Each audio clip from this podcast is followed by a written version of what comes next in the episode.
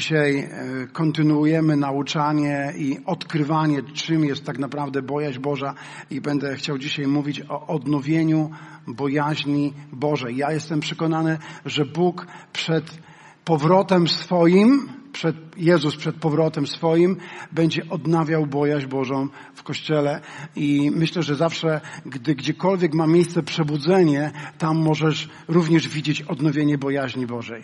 Można powiedzieć tak, że nie ma przebudzenia bez odnowienia bojaźni, więc jeżeli wierzymy w to, że Bóg chce przebudzić Kościół, aby Kościół zebrał żniwo w tym kraju, to będziemy potrzebowali zacząć razem e, z wiarą modlić się o odnowienie bojaźni Bożej. Kto z Was potrzebuje, aby Bóg odnowił bojaźń w Twoim życiu? Niektórzy już są tak święci, że nie potrzebują, ale ja potrzebuję, żeby Bóg odnowił bojaźń Bożą w moim życiu. Dlaczego?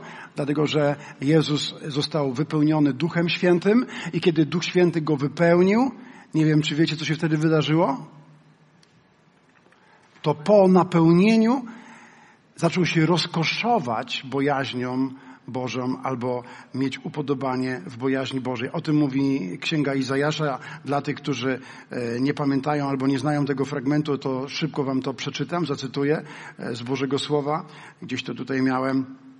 E, jest napisane, że kiedy Duch Święty stąpił na Jezusa, to stąpił na Niego Duch Pana, duch mądrości, duch rozumu, duch rady, duch mocy, duch poznania i duch bojaźni Bożej i zaczął rozkoszować się Jezus od tego momentu bojaźnią Bożą. A więc e, chodzi o to, żeby bojaźń stała się czymś, czym, w czym my się rozkoszujemy, w czym my mamy upodobanie.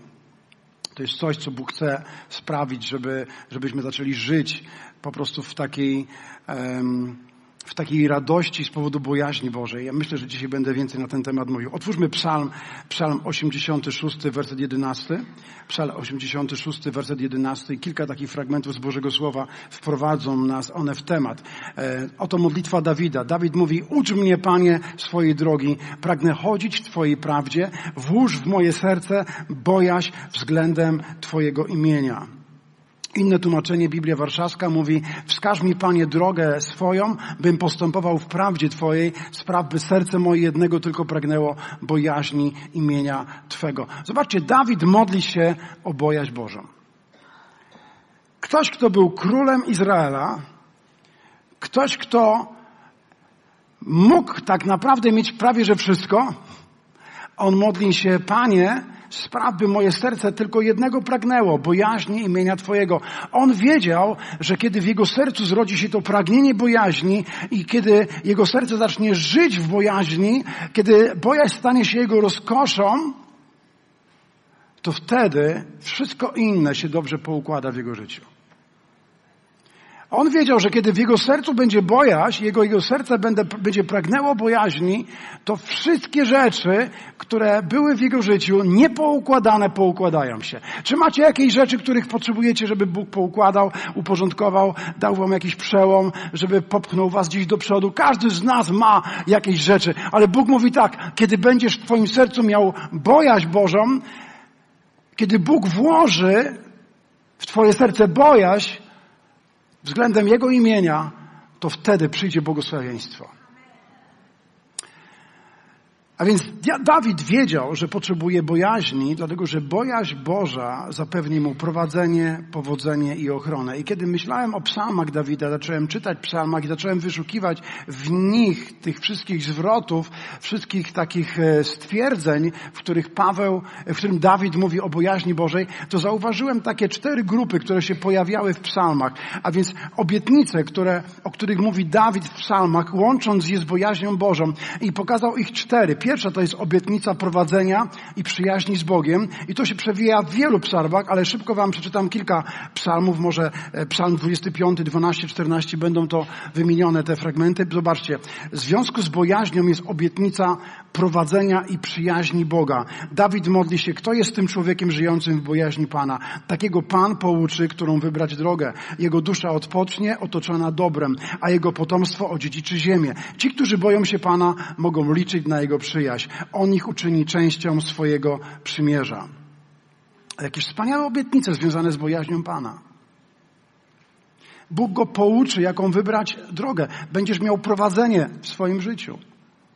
Bóg otoczy cię dobrem i stanie się twoim przyjacielem.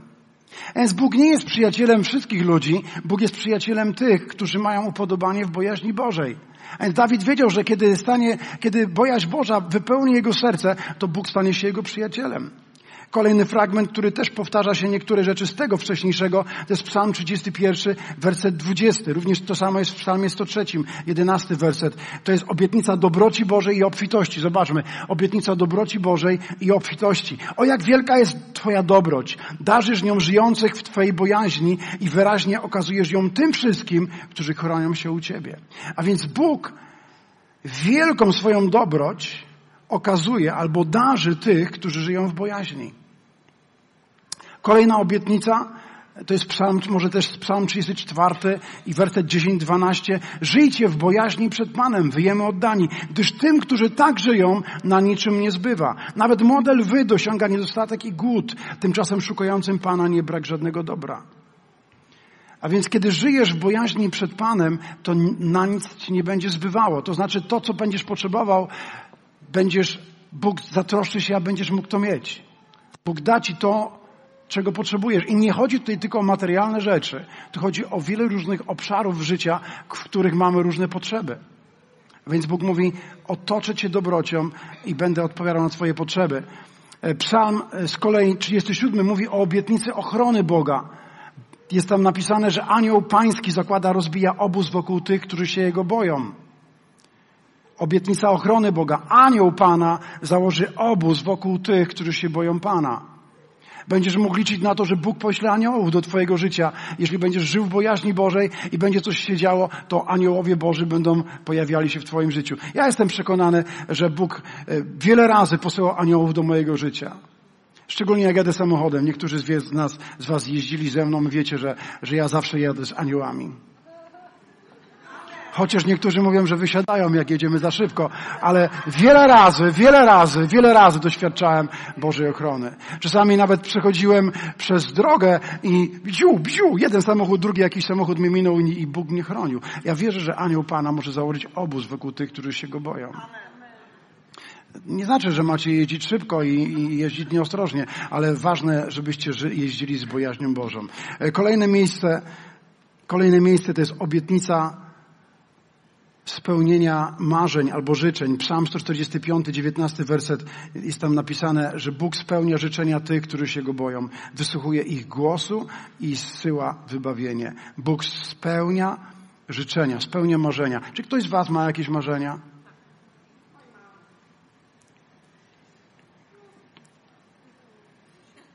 Wiecie, nie wszystkie marzenia są e, tak naprawdę właściwe bo możemy marzyć o czymś, co nie jest Bożą wolą dla nas. Ale jeśli coś jest dobre dla Ciebie i coś jest Bożą wolą, Bóg mówi, kiedy będziesz żył w bojaźni Bożej, a On spełni nasze marzenia. A więc dlaczego Dawid modli się w psalmie, ucz mnie, Panie, swojej drogi, pragnę chodzić w Twojej prawdzie, włóż w moje serce bojaźń względem Twojego imienia. Albo spraw, jak to mówi Biblia Warszawska, by moje serce jednego tylko pragnęło bojaźni imienia Twego. Bo On wiedział, że kiedy będzie bojaźń w Jego sercu, kiedy Jego serce będzie pragnęło bojaźni imienia Jego, to wtedy Bóg będzie go prowadził, będzie jego przyjacielem, okaże mu swoją dobroć, otoczy go obfitością i powodzeniem, da mu swoją ochronę, wybawi go, będzie spełniał jego marzenia, odpowie na jego życzenia, na jego prośby. A więc Dawid wiedział, o co się modlić. On wiedział, co tak naprawdę jest ważne. I chciałbym Wam dzisiaj powiedzieć, Kościele, przychodzi czas, w którym musimy zacząć modlić się jak Dawid. Panie, spraw, aby moje serce jednego tylko pragnęło, bojaźni imienia Twojego. Bo modlimy się o tak wiele rzeczy i zabiegamy o tak wiele rzeczy, ale tak wielu z nas nie zabiega o bojaźń Bożą. I Kościół przestał zabiegać o bojaźń Bożą, zaczął, przestał też głosić o bojaźni Bożej i myślę, że przestał żyć w takim wymiarze królestwa, jaki Bóg ma dla nas. A więc kiedy my zaczynamy zabiegać o bojaźń Bożą, zaczynamy modlić się o bojaźń Bożą, wtedy zaczyna być uwolniona sfera nadprzyrodzona. Kiedy Duch Święty stąpił na Jezusie, zobaczcie, jest tam napisane w Biblii, że, był, że to był to Duch Pana, Duch mądrości, Duch rozumu, Duch wiedzy, Duch poznania, Duch mocy i Duch bojaźni Bożej. I widzę, że Kościół często modli się, Panie, ja potrzebuję wiedzy, potrzebuję objawienia, potrzebuję mądrości, potrzebuję mocy. I o to się modlimy. I to są bardzo popularne modlitwy. Panie, daj nam duchowe dary. Panie, chcemy mieć większe dary. Chcemy mieć większe namaszczenie. Panie, daj nam dar mocy. Daj nam dar uzdrowienia. Daj nam ten czy inny dar. I tak myślimy o takich rzeczach, które powodują coś spektakularnego. Na przykład dary proroctwa. To są dary objawienia. To są dary, które Bóg daje nam poznanie. I my zabiegamy o to i wiele kościołów, kiedy jest gdzieś konferencja procza, konferencja uzdrowienia, to wielu ludzi przyjeżdża. Dlaczego? Bo chcielibyśmy doświadczyć mocy Bożej. Chcielibyśmy doświadczyć Bo Bożego objawienia. Dlatego też zabiegamy o to. Ale gdybyśmy zrobili konferencja bojaźni Bożej.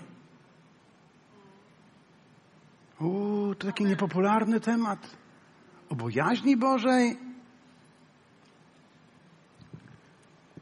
Ale widzisz, to bojaźń poprzedza te wszystkie rzeczy. To bojaźń, kiedy, kiedy mamy bojaźń, te wszystkie inne rzeczy są uwalniane. Można powiedzieć, nie można ich mieć bez bojaźni Bożej. Bo jest napisane o Jezusie, że kiedy Duch Pana, Duch Święty stąpił na Niego, to On zaczął rozkoszować się bojaźnią Bożą. On zaczął mieć upodobanie w bojaźni Bożej. I to, co możemy zobaczyć, to je, w Jego życiu towarzyszyło i mądrość, i objawienie, i słowo wiedzy, towarzyszyła moc, i wszystko tak naprawdę, czego dzisiaj Kościół pragnie, to wszystko było związane z Duchem Świętym. A Duch Święty jest Duchem bojaźni Bożej. A więc kiedy zaczniemy mieć upodobanie w bojaźni Bożej, kiedy jak Dawid zaczniemy modlić się, Panie, spraw, by moje serce pragnęło bojaźni. Panie, Panie, uwolnij bojaźń i odnów bojaźń Bożą we mnie. Panie, może gdzieś zaniedbałem bojaźń i przestałem ją rozumieć. Ale kiedy Ty odnowisz bojaźń Bożą w moim sercu, to te wszystkie inne rzeczy, których tak bardzo pragniemy i zabiegamy, będą również odnowione. Dwie osoby powiedziały Amen. Lepiej było, jak ostatnio Agata mówiła, bo było dziesięć.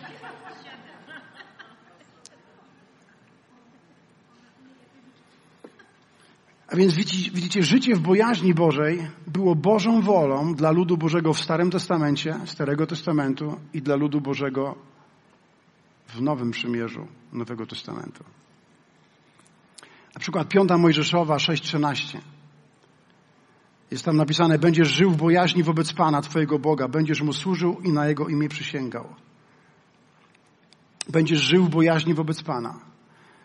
Kawałek dalej, w 24 wersecie, czyli 5 Mojżeszowa 6,24 jest napisane i nakazał nam Pan, Pan spełniać te wszystkie przepisy, okazywać cześć zbożną Panu, a inne tłumaczenie mówi bać się Pana, Boga naszego, aby nam się dobrze powodziło po wszystkie dni naszego życia, jak to jest dzisiaj.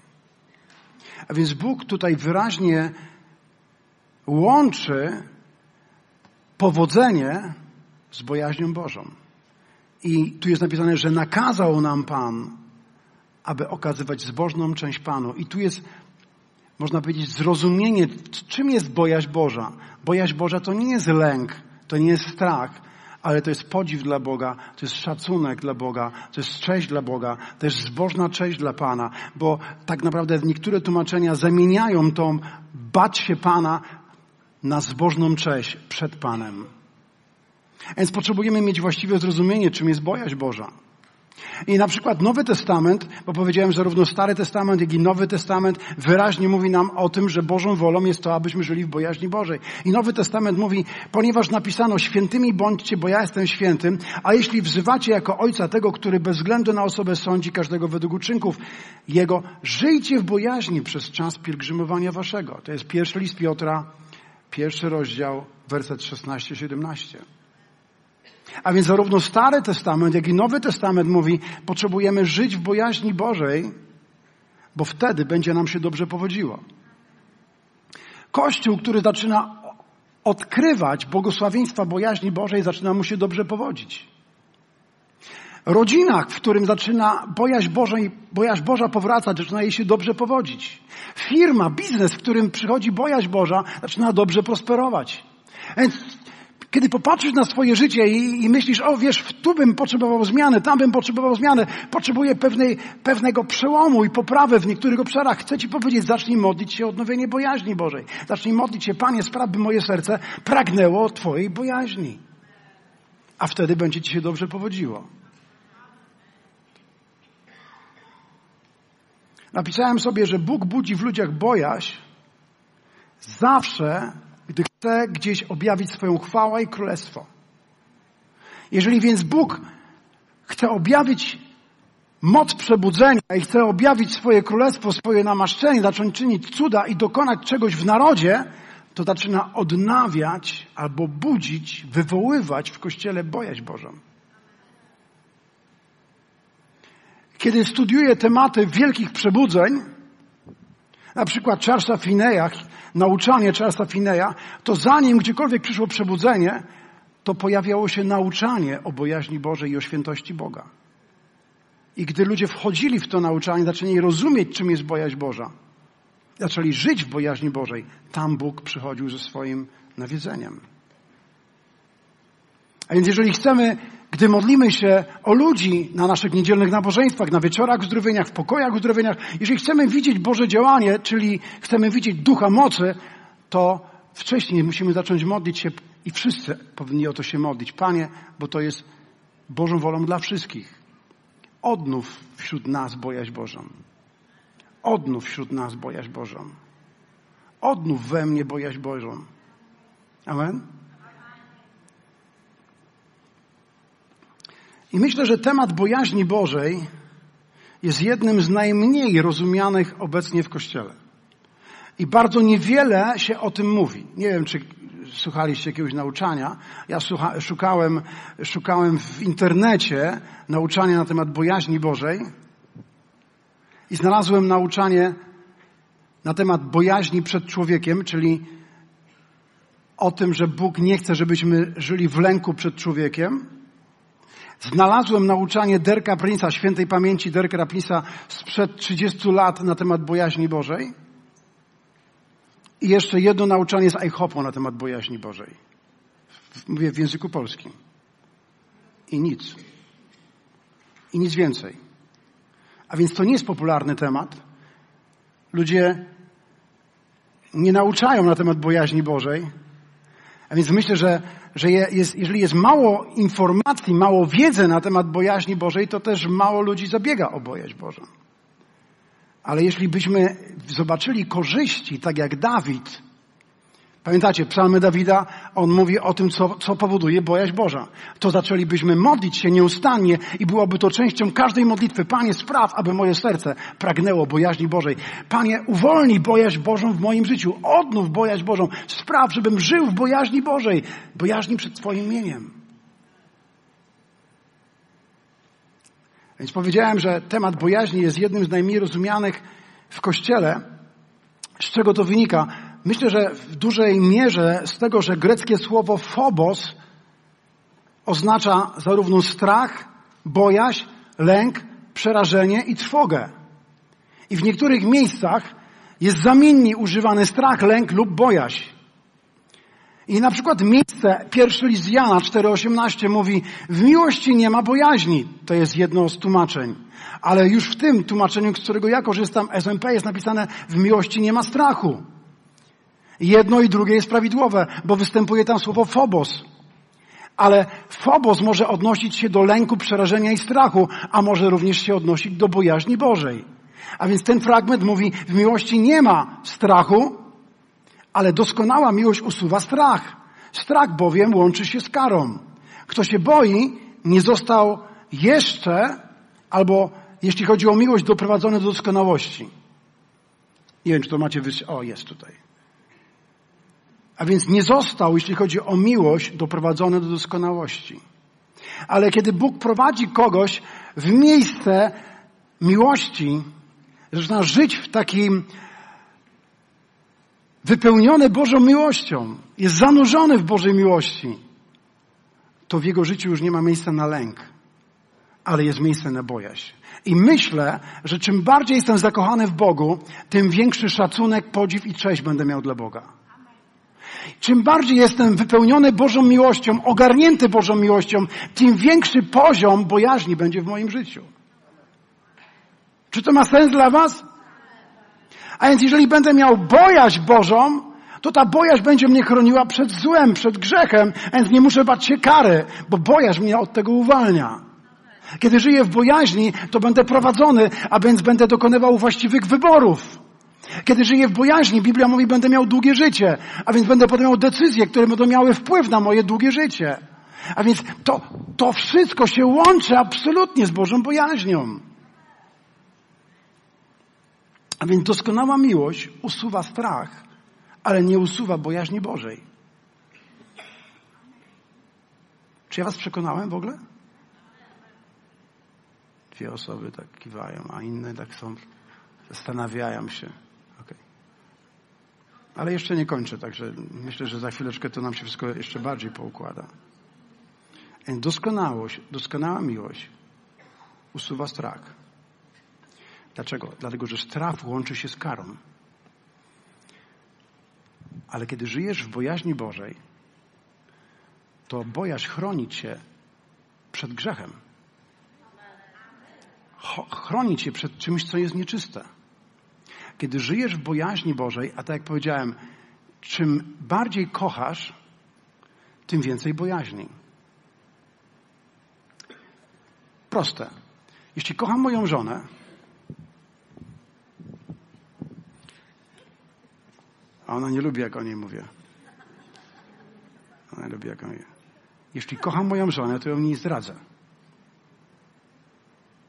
Bo to by ją zraniło. Ona by cierpiała z tego powodu.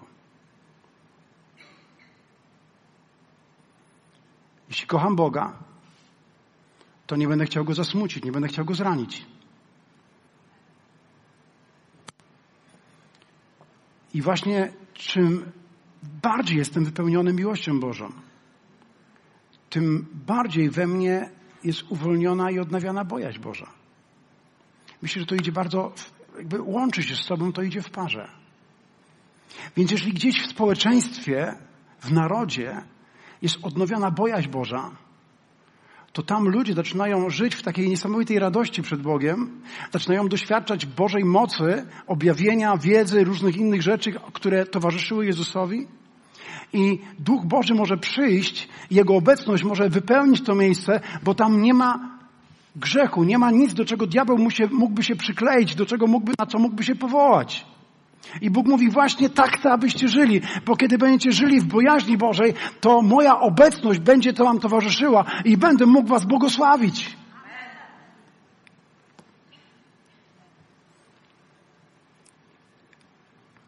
A więc spocznie na nim duch Pana. Jest napisane w proroctwie Izajasza 11 rozdział. Duch mądrości i rozumu, duch rady i mocy, duch poznania i bojaźni Pana. I w tej bojaźni Pana będzie się rozsmakowywał a inne tłumaczenie będzie miał upodobanie w bojaźni Bożej. I kiedy patrzymy na Jezusa, to możemy zobaczyć, że w Jego życiu nie było nic, co by, co by nie było wyrazem miłości do Ojca. On robił wszystko, co robił, robił z miłości do Ojca. On nie zrobił nic, co by mogło zasmucić Ojca. Ta bojaźń Boża wypełniała całkowicie serce Jezusa. I jestem przekonany, że Bóg postał, posłał Jezusa, aby był dla nas wzorem, aby był naszym przykładem, abyśmy go naśladowali. Kiedy patrzymy na pierwszy Kościół, to widzimy, że pierwszy Kościół również żył w bojaźni Bożej. O tym czytałem, pamiętacie, dwa tygodnie temu. Natomiast współczesny zachodni Kościół dzisiaj pragnie ducha rady, ducha poznania, ducha mocy, ale bez ducha bojaźni Bożej. Z kolei duch mocy i duch poznania, duch objawienia nie może przyjść bez ducha bojaźni. Więc kiedy zaczynamy modlić się o objawienie bojaźni Bożej, a odnowienie bojaźni Bożej, to również te rzeczy zaczynają przychodzić do naszego życia. Jeśli żyję w bojaźni Bożej, ja nie będę nikogo krytykował, nie będę nikogo osądzał. Jeśli żyję w bojaźni Bożej, nie zrobię nic, co mogłoby zniszczyć Kościół. Czy rozumiecie, czym jest życie w bojaźni? Jeśli żyję w bojaźni, nie będę plotkował, nie będę szemrał, bo bojaźń chroni mnie od tych rzeczy. A więc jeżeli bojaźń jest uwolniona w Kościele, to Duch Święty wtedy przyjdzie. Z kolei, gdy bojaźń Pana przestaje być częścią naszych przesłań, naszego głoszenia, naszej kościelnej kultury, wtedy tracimy również ducha mądrości, rady, objawienia, ustają proroctwa, pewne rzeczy przestają działać. Zostaje religia. Zostaje nam religia. I dzisiaj, kiedy patrzę na, na Kościół Zachodni, to widzę, że jest zdominowany przez humanistyczne, liberalną, przez humanistyczną, liberalną teologię. I ona doprowadziła do większego strachu przed ludźmi i zadawalaniem ludzi zamiast zadawalaniem Boga. Więc jeżeli Bóg odnawia, odnawia w nas bojaźń Bożą, to nie próbujemy zadowolić ludzi i iść na kompromis ze standardami Bożymi, ale mamy większą bojaźń i strach przed Bogiem niż strach przed człowiekiem. I Bóg chce to uczynić pośród nas, w tym kościele. Abyśmy przestali bać się ludzi. Co ludzie powiedzą, ale zaczęli bać się Boga.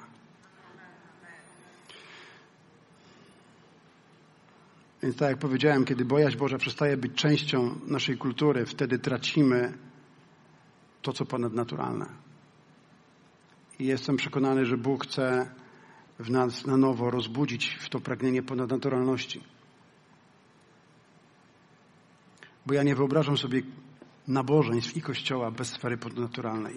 Nie wyobrażam sobie dziejów apostolskich bez Ducha Świętego. Wyobraźcie sobie dzieje apostolskie bez Ducha Świętego, bez sfery ponadnaturalnej? Albo, albo Ewangelii i, i Jezusa bez sfery ponad... Niemożliwe. Dlaczego? Dlatego, że Jezus był pełen bojaźni Bożej. Więc kiedy bojaźń Boża powróci, to wcale nie będzie trzeba napominać ludzi i stosować nauczania o tym, co jest dobre i co jest złe. Nie trzeba nauczać o prawie, o przykazaniach. To wolno, tego nie wolno. Nie. Bo bojaźń Boża, ona w nas prowadzi nas i mówi nam, co jest dobre, a co jest złe.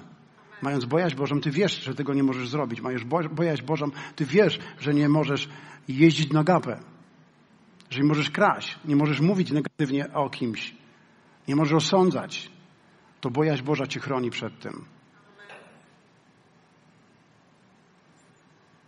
Więc bojaźń Boża sprawia, że nienawidzisz zła, nienawidzisz cielesności i robienia również rzeczy byle jak. Więc niedbałość znika z kościoła, kiedy w kościele jest bojaźń Bożą.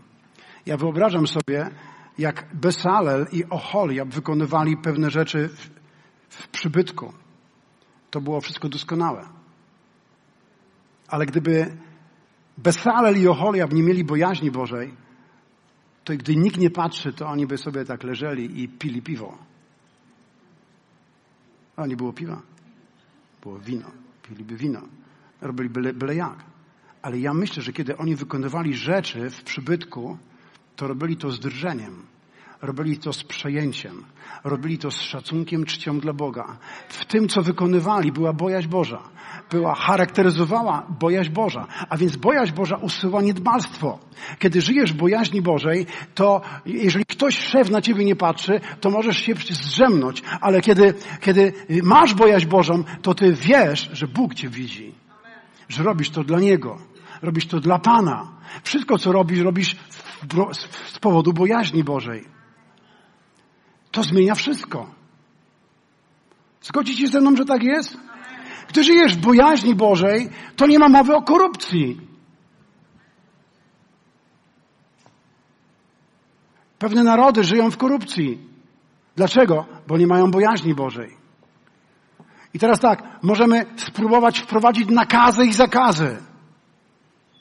Rozmawiałem z jednym człowiekiem z Ukrainy i on mówił mi, czy masz może jakiś dostęp do prezydenta Dudy, bo prezydent Duda ma wpływ na prezydenta Żeleńskiego, a więc kiedy, kiedyby prezydent Duda o coś poprosił, to Żeleński by mu nie odmówił. A tu chodzi o pewne prawo związane z LGBT. Huh. Nie, nie myślę, że to jest droga. Drogą jest odnowienie bojaźni Bożej w narodzie. Bo kiedy odnowiona jest bojaźń Boża, to nie będzie trzeba praw, które zabraniają tego czy owego, ale ludzie będą mieli w sercu przekonanie, że nie mogą tych rzeczy robić. I wtedy Bóg zaczyna potwierdzać swoje, swoje dzieła. Czy, czy zgodzicie ze mną, że coś w tym jest? Trzy osoby się zgadzają. Halleluja.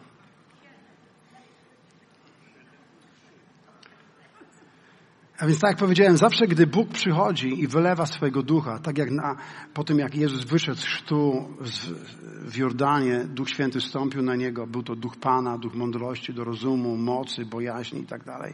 Bo również jest, tak samo było w Kościele w Dzień Zielonych Świąt. Kiedy Duch Święty stąpił, to stąpił na nich Duch mocy, Duch rady, Duch mądrości, Duch poznania, ale również Duch bojaźni Bożej. Co spowodował ten duch, który stąpił na, na uczniów? Na przykład Piotr, dopiero co, zanim Duch Święty stąpił, jeszcze niewiele wcześniej zaparł się Jezusa z powodu jakiejś służącej, która mówi, ja, ja, ja Ciebie chyba znam, Ty byłeś z Jezusem. On mówi, nie, ja nie znam Jezusa. On się wystraszył służącej. Potem jakiś żołnierz mówi, chyba ty też byłeś, chyba ciebie znam, ty jesteś jednym z uczniów Jezusa, ty byłeś z Jezusem. Nie, ja go nie znam, nie byłem z Jezusem. Zobaczcie, Piotr zaparł się Jezusa trzy razy przed jakimś żołnierzem, przed jakąś kobietą służącą. Dlaczego?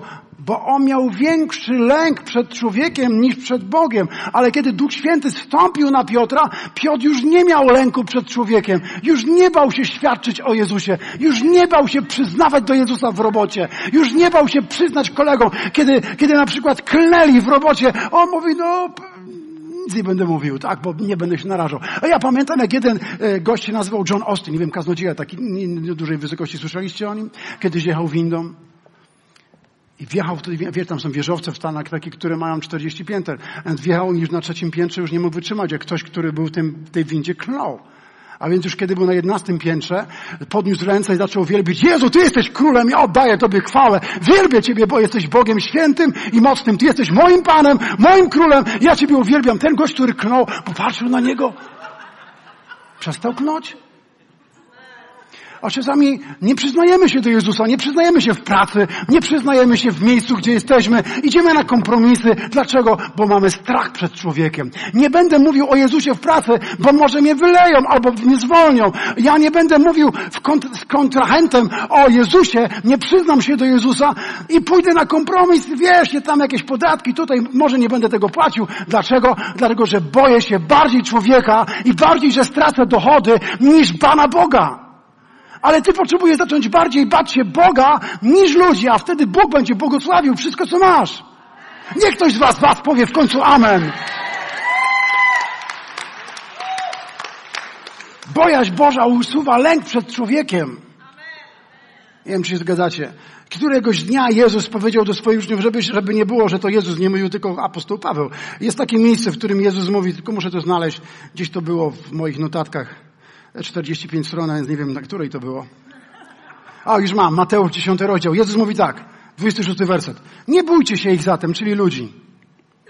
Nie ma bowiem nic tak skrytego, że nie mogłoby być ujawnione, a nic tak tajnego, że nie mogłoby być wyjaśnione. To, co wam mówię, mówię w ciemności, opowiedzcie przy świetle, a to, o czym słyszycie na ucho, rozgłoście z dachów. I nie bójcie się tych, którzy zabijają ciało, ale duszy zabić nie są w stanie. Bójcie się raczej tego, który może duszę i ciało zgubić w miejscu wiecznej kary. Wiecie, kiedyś, kiedy się nawróciłem, ja myślałem, że Jezus tutaj mówi o, o diable. Że On mówi tutaj, bójcie się diabła. Ale chwileczkę, chciałem wam powiedzieć, że diabeł nie jest tym, który może, może zgubić twoją duszę i ciało w miejscu wiecznej kary, bo on nie jest sędzią, ale Bóg jest sędzią. Przed nim będziemy musieli stanąć nie przed diabłem, bo diabeł będzie wcześniej już osądzony. On był, będzie zakuty, związany, wrzucony na tysiąc lat, a my staniemy przed tym, który jest sędzią żywych i umarłych, który jest alfą i omegą. A więc tego powinniśmy bać się, przed którym staniemy i przed którym zdamy sprawę za nasze życie, a nie przed człowiekiem. A więc Jezus nie mówi, że mamy się bać diabła. Diabeł się boi nas. Kiedy żyjemy w bojaźni Bożej, On będzie się nas bał. Ale my mamy bać się Boga. A więc to Jezus mówił, żeby nie było, że to ja powiedziałem.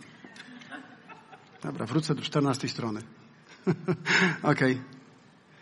Chciałem jeszcze kilka rzeczy powiedzieć, które myślę, że są bardzo ważne.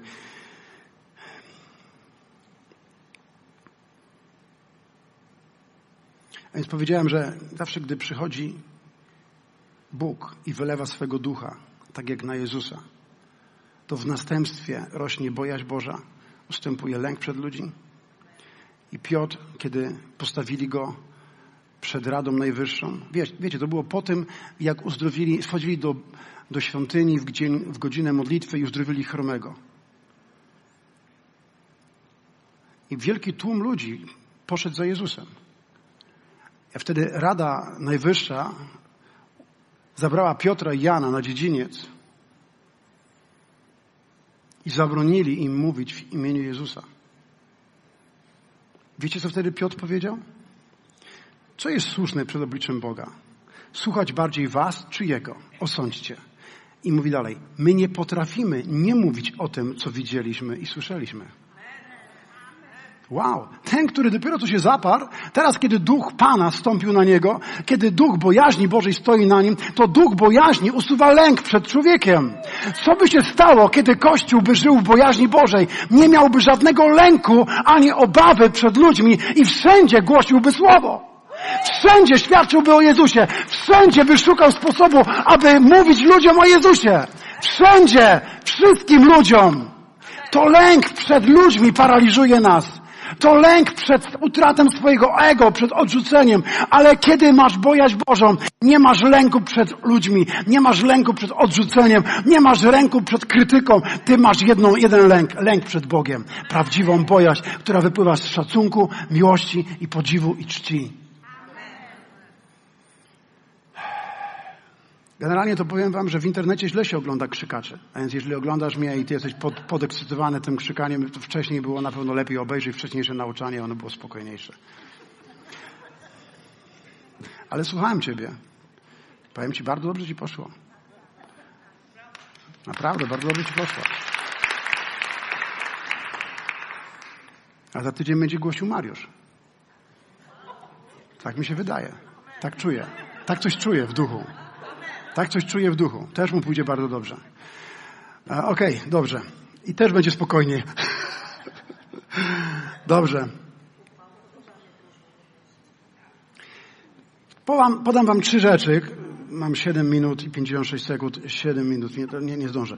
E, trzy rzeczy, które Bóg dokonuje, kiedy odnawia bojaźń Bożą w Kościele. Możemy to sobie zapisać? Trzy rzeczy. Więc trzy rzeczy, które się dzieją, gdy Bóg odnawia bojaźń Bożą w Kościele.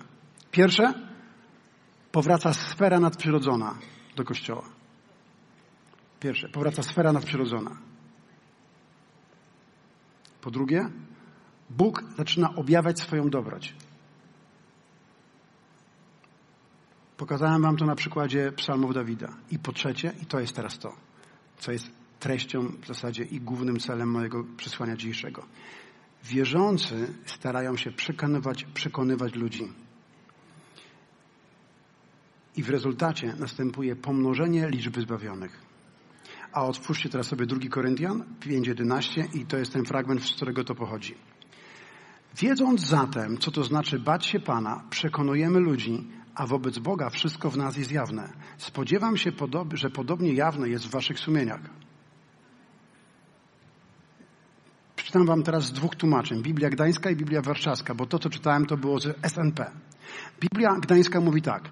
Przetoż wiedząc o tym strachu pańskim, ludzi do wiary namawiamy, a Bogu jawnym jesteśmy i mam nadzieję, iż w sumieniach waszych jawnymi jesteśmy.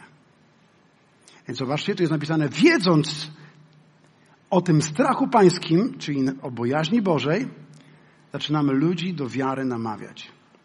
Kościół, w którym ludzie mają bojaźń Bożą, namawiają do wiary innych ludzi. Ania opowiadała mi, że pojechała, e, będąc w Stanach Zjednoczonych, na jedną wyspę i tam była zaskoczona, że co jakiś moment spotykała ludzi w Uberze, kierowca ledwo y, wsiadła i zaczęła chwilę z nim jechać, zaczął i składać świadectwo o Jezusie. Przewodniczka, która prowadziła ją po wyspie, zaczęła mówić o Jezusie. Gdziekolwiek spotykała ludzi, oni mówili o Jezusie.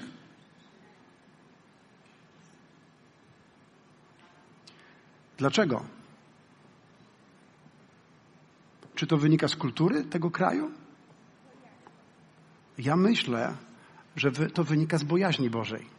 Bez względu, w jakiej kulturze jesteś, czy to będzie kraj prześladowany, czy nie prześladowany, gdzie można, czy nie można, ludzie, którzy są pełni bojaźni Bożej, którzy są pełni szacunku, podziwu i czci dla Pana, którzy są zakochani w Bogu, będą przekonywali innych do wiary w Boga. Ludzi do wiary namawiamy. Jest czas, aby Kościół w Polsce zaczął ludzi do wiary namawiać.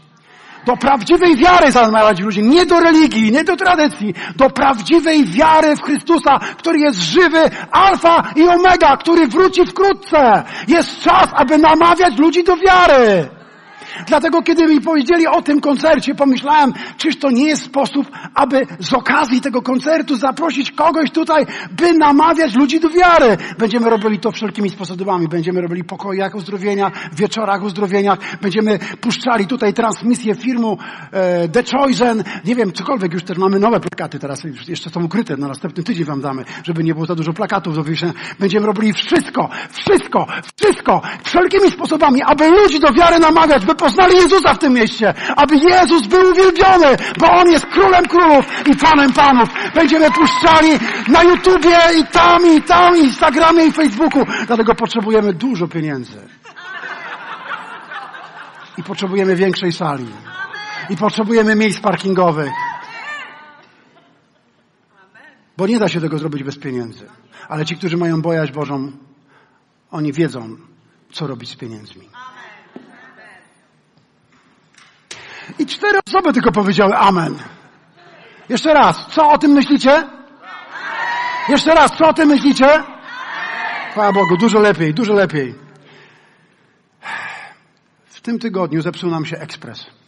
Próbowałem go naprawić, a moja żona znów nie jest zadowolona. Okej, okay, ale powiem to, powiem to. Zepsuł nam się ekspres. Spróbowałem wymienić uszczelkę. On już ma swoje lata. A więc e, Asia mi wysłała SMS-a, mówi, a wiesz, taki znalazłem, może kupimy, będzie nam bardziej pasował do półki. Ja wiem, okej, okay, dobra, już miałem w dość, bo ja ciągle, ciągle po prostu z tym ekspresem jakieś problemy. No i zadzwoniłem, e, no i rozmawiam z panią, mówię, wie pani, ten i ten ekspres wybrałem, chciałbym go kupić. A pan mówi, okej, okay, dobra, tutaj trzymamy pana dane, więc oczywiście tam mnie zweryfikowała. E, no i mówi, i teraz dobrze, no to w takim razie do odbioru w galerii, czy kurier, e, wie pani, no, już tam obojętnie. Ale pan mówi, ale koniecznie musi pan jeszcze do niego dokupić gwarancję, przedłużyć gwarancję. Okej, okay, dobra. Mówię, a ile to kosztuje? No tyle i tyle. Nie, to ja dziękuję. A mówię, a wie pan co? Ale one się psują. Mówię, jak to się psują? Mamy taki dwa lata w biurze i się nie psuje. Ale one się po dwóch latach psują. Musi pan koniecznie kupić gwarancję, bo jak się zepsują, to koszt tej naprawy będzie, wie pan, dużo większy niż, niż ten cały ekspres nawet. Więc, wie, ale mnie zachęcała, pomyślałem. Ale ona mówi, wie pan co, ale mam jeszcze jedno ubezpieczenie takie od uszkodzeń mechanicznych. Czyli nie to nam, że tam fabrycznie coś się uszkodziło, tylko jakby pan tam coś poczaskał, uderzył czymś, e, no to to jest lepsze ubezpieczenie. Niech pan weźmie to lepsze ubezpieczenie. Mówię, a ile ono? No tam to było 250, a te 500. Wie pan co, ani tego, ani tego nie biorę. Będę wierzył, że Bóg będzie mi chronił ten ekspres. Wiecie, no i, a ona mnie dalej przekonuje. Mówi, a dlaczego pan nie chce, ale dlaczego pan nie, nie chce tego ubezpieczenia wziąć? Mówię, co za baba? Mówię, to, ale tak, tak muszę przyznać, że miała dar, tak? Że miała dar do przekonywania. Ja mówię, dlaczego pan nie chce? Ja mówię, bo za drogo! Bo chcę kupić taniej. Zresztą był najtańszy na wyprzedaży, był jakiś tam z tych wszystkich, gdzie widziałem. Ja, ja po prostu chciałem kupić taniej. I teraz sobie przypomniałem, jak to było, jak ja byłem agentem ubezpieczeniowym. Chciałem wam powiedzieć, byłem przez dwa lata agentem ubezpieczeniowym. Ja przypuszczam, że niektórzy macie też taki dar. Na przykład jest tutaj e, pan w tej różowej koszulce pięknej, który e, jest też e, handlowcem prawa. Już nie wiem, czy to dobrze powiedziałem, ale też sprzedaje różne prawne usługi. Ja myślę, że ty też masz taki dar. Więc ja opowiem, jak to było ze mną. Więc ja chodziłem do sklepu, do jakiejś firmy i oferowałem ubezpieczenie od kradzieży, od pożaru, od powodzi, E, potem myślałem tak, no a może jakieś, w takim razie jeśli nie to, to może pani potrzebuje ubezpieczenie na życie. A może ubezpieczenie od leczenia szpitalnego. Wiecie, oferowałem cokolwiek dało się. Ja jak no ktoś mówi, nie, nie, no ani to, ani to, ani to. Wie pani, ale wie pani, no zdarzają się, a u jubilerów to chyba trzech ubezpieczyłem, bo miałem taką gadkę, że powiedziałem, wie pan, nigdy nie wiadomo, kiedy przyjdzie złodziej. Nie znamy ani dnia, ani godziny. Więc jubilerów trzech ubezpieczyłem. Statków benzynowych nawet ubezpieczałem też. Ale jak mi ktoś mówił, że wie pan co, nie, tego nie i tamtego też nie, to powiedziałem tak, to ja mam jeszcze jedno ubezpieczenie, które nie jest w ofercie. To jest ubezpieczenie od drugiej śmierci. Tak? I powiem wam, to był zawsze punkt programu, punkt programu. Jak mówiłem, jeszcze mam jedno ubezpieczenie od drugiej. Jak to od drugiej śmierci? I wtedy mówiłem tak. Raz urodzony, dwa razy umiera. Dwa razy urodzony, raz umiera. Biblia mówi, ten kto wie, Jezus powiedział, kto wierzy we mnie, przyszedł ze śmierci do życia. I zawsze oferowałem to na koniec. I powiem wam, to działało. Niektórzy mówili, no dobra, tego nie wezmę, ale te ostatnie bym wziął. I wtedy miałem możliwość poprowadzić kogoś w modlitwie. Pomyślałem tak, ja wtedy miałem 28-29 lat. Ja nie chcę stracić tego ognia.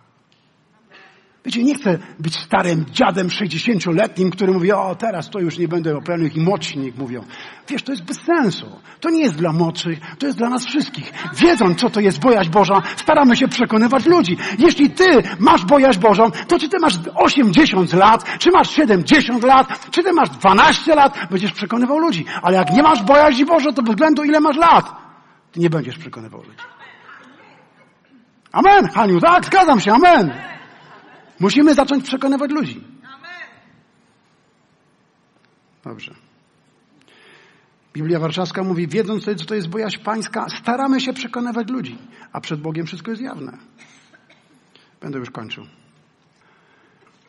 Jestem przekonany i wierzę w to całym sercem, że któregoś dnia, gdy staniemy przed Bogiem, a każdy wiecie, że stanie przed Bogiem, jest nawet napisane, w jakiej kolejności będziemy stawali przed Bogiem.